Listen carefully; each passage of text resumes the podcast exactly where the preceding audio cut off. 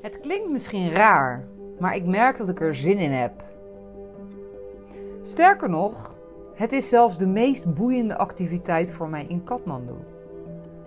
Een lijfcrematie bijwonen bij de Pashaputinath tempel in Kathmandu. Vanaf het moment dat ik wist dat je deze tour kon boeken, dacht ik: ja, dit wil ik. En had ik er zin in. Maar ergens voelt het ook raar om dat te zeggen. Ik heb zin om naar een crematie te gaan. Terwijl ik de riksja uitspring en richting de tempel loop, probeer ik me in te beelden wat ik straks zal gaan ervaren. Hoe zou het eruit zien? Zou ik het lijk zien en ruiken? Zouden er mensen huilen? En hoe brandt een lijk eigenlijk? En hoe snel zou het helemaal weg zijn? En wat gebeurt er met het as?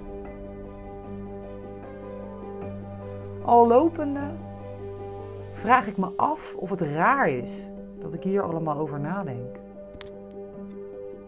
En waarom wil ik überhaupt bij het verbranden van een lijk zijn van iemand die ik niet ken?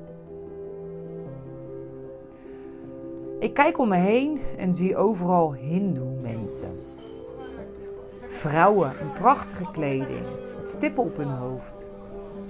Drukbeddende mannen en gesminkte sadhus her en der verstopt. Ik koop een kaartje bij de entree en bedenk me dat het eigenlijk best wel apart is. Alsof ik naar een attractiepark ga. Een attractie om te zien hoe iemand verbrand wordt. In mijn geval dan, want dat is immers waarvoor ik hier ben. Geen idee trouwens wat je hier anders zou moeten komen doen. Als niet-Hindoe mag je namelijk zelf de tempel niet in. Die gedachte stelt me gerust. Ik ben in ieder geval niet de enige pottenkijker. We lopen de brug op en ik zie aan twee kanten op de kade brandstapels en vuur. Het water onder de brug ziet er heel vies uit. Er liggen, behalve het as van de overledene, ook allemaal offers in. Ik kijk voor me en zie koeiengraas rondom het water. Oh ja, die zijn natuurlijk heilig hier. Langs de kade zitten ook allemaal mannen op kleedjes onder een parasol. Wat doen die mannen daar? Vraag ik geïnteresseerd aan mijn gids. Oh, die doen iets met sterrenbeelden en handlezen, antwoordt hij. Ik ben er wel eens heen gestuurd door mijn familie toen ik in de mani zat. Toen wilden ze het weghalen met shamanistische spreuken.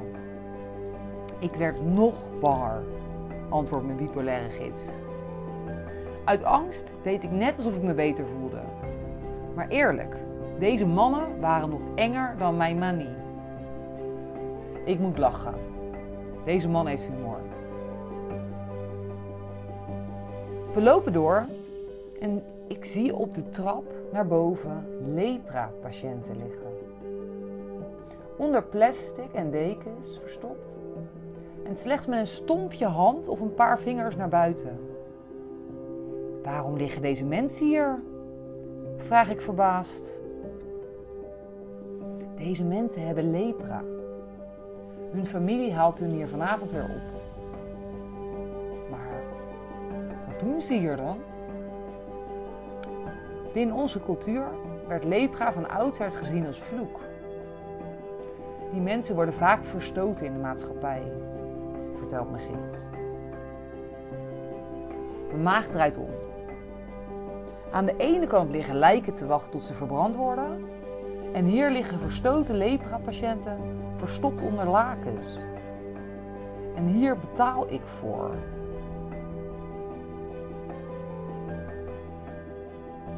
Ik stop ze snel wat geld toe en we vervolgen onze weg de trap op. Op naar de crematies.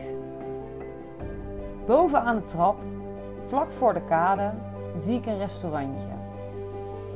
Met uitzicht op de kade. Er zit zelfs allemaal jeugd. Wordt deze tempel ook gebruikt als chillplek? Vraag ik aan mijn gids. Ja, antwoordt hij. Verliefde stelletjes komen hier vaak stiekem samen zijn. Hè, fijn, bedenk ik me. Even wat romantiek tussen lepra en de dood door. We komen aan bij een paar bankjes die daar blijkbaar speciaal voor deze gelegenheid staan. Een soort viewpoint. Oh, kijk, daar is een lijk, zegt mijn gids. Kom snel hier zitten, dan kan je het beter zien. Nieuwsgierig als ik ben, spring ik op en ga ik naast hem zitten. Ik zie mensen met iets sjouwen wat blijkbaar een lichaam is. Ik kan het verder niet goed zien. Even later komt de familie aan. Een vrouw wordt begeleid door een man. En ze huilt en schreeuwt heel hard. Het gaat door merg en been. Ik voel een brok in mijn keel. Wie zou ze verloren zijn? Haar moeder, zus of vriendin? Of haar man? Misschien wel haar zoon of dochter. Het voelt best raar om hier vanaf een afstandje naar te kijken. En dit te zien als iets wat ik wil ervaren. Voor mij is het een onbekende. Maar zij is iemand verloren van wie ze heel veel houdt. Alsof hij het aanvoelt, zegt mijn gids: Vrouwen zijn heel gevoelig. Daarom is dit meer iets voor mannen. Deze persoon is misschien twee of vier uur geleden overleden. Voor vrouwen is dit vaak te emotioneel. Daarom doen mannen dit. Die huilen maar één minuut en doen daarna wat ze moeten doen. Tenzij ze bipolair zijn, zoals ik, zegt hij. Dan huilen ze heel vaak. En weer moet ik lachen. Mijn gids vervolgt. De oudste zoon is het allerbelangrijkste, want die doet het laatste slokje heilig water uit de rivier in de mond, zo vertelt hij. Daarom is het belangrijk voor ons dat we een zoon krijgen. Tegenwoordig mogen dochters het trouwens ook doen, maar het is meer een mannending. Zoals ik al zei, vrouwen huilen te veel. Ik snap het. Geloof jij in reïncarnatie? vraagt hij me even later. Ja, antwoord ik. Ik geloof daar wel in, ja. Hoezo? Nou, wij geloven daar ook in, vertelt hij. Zowel in het boeddhisme als in het hindoeïsme geloven wij in wedergeboorte en karma. Voor jullie in het Westen wordt de dood gezien als het einde en als iets slechts. Hier zien we dat anders. Wij geloven dat je ziel na het sterven in een ander omhulsel terechtkomt. In een volgend leven. De dood is dus eigenlijk een nieuw begin. Het is een heel belangrijk aspect in het leven. Vroeger dacht ik dat als je een slecht karma had, je dan in een volgend leven terugkomt als hond of kip. Tegenwoordig denk ik anders, zo zegt mijn gids. Ik denk dat je gewoon terugkomt als mens. Maar wat voor soort mens hangt af van je karma. Het is dus heel belangrijk dat je het goed doet in dit leven. Hmm, dat maakt sens, bedenk ik me. Hoewel ik me afvraag waar zijn hernieuwde visie op gebaseerd is. Weet je trouwens, vervolgt mijn gids, er zijn gebieden hier in het noorden van Nepal waar het lijk in stukken wordt gehakt en aan de gieren wordt gevoerd. Er wordt geloofd dat het lichaam dan teruggegeven wordt aan de natuur de ziel door de gieren vrijgemaakt wordt voor een volgend leven. Het is een boeddhistische kijk. Iets wat ook veel gebeurt in Tibet. Luguber, hè? Nou, zeg ik. Terwijl ik me afvraag of ik zoiets ook zou kunnen bijwonen. Ergens fascineren al deze bijzondere rituelen me. Het is in ieder geval spannender dan een begrafenis met koffie en cake. Ik kijk voor me en zie dat het lijk wordt verplaatst naar een stapel hout.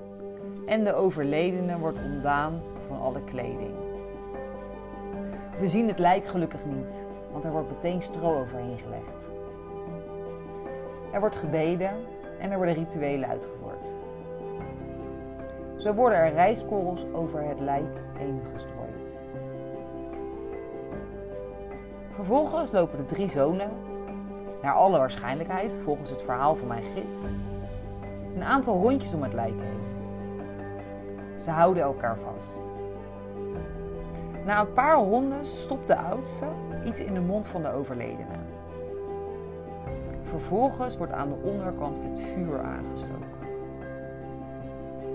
Hoe brandt een lijk eigenlijk? Vraag ik aan mijn gids. Oh, gewoon, met een soort van boter, antwoordt hij. Oké. Een paar minuten later komen de vlammen ervan af en hoor ik de vrouwen weer huilen. Binnen een uur is alles weg en staan we op. Nou, dit was het dan. Het einde. Of, zoals we het hier zien, het nieuwe begin.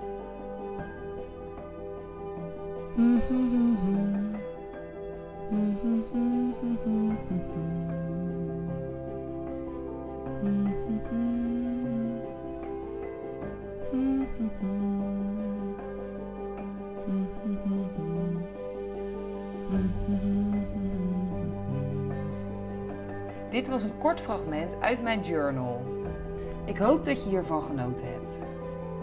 Mocht je meer willen weten over mij en mijn reis, abonneer je dan op mij Master Journey de podcast via de welbekende kanalen. Of voeg me toe op Instagram mij.master.journey. Veel liefs!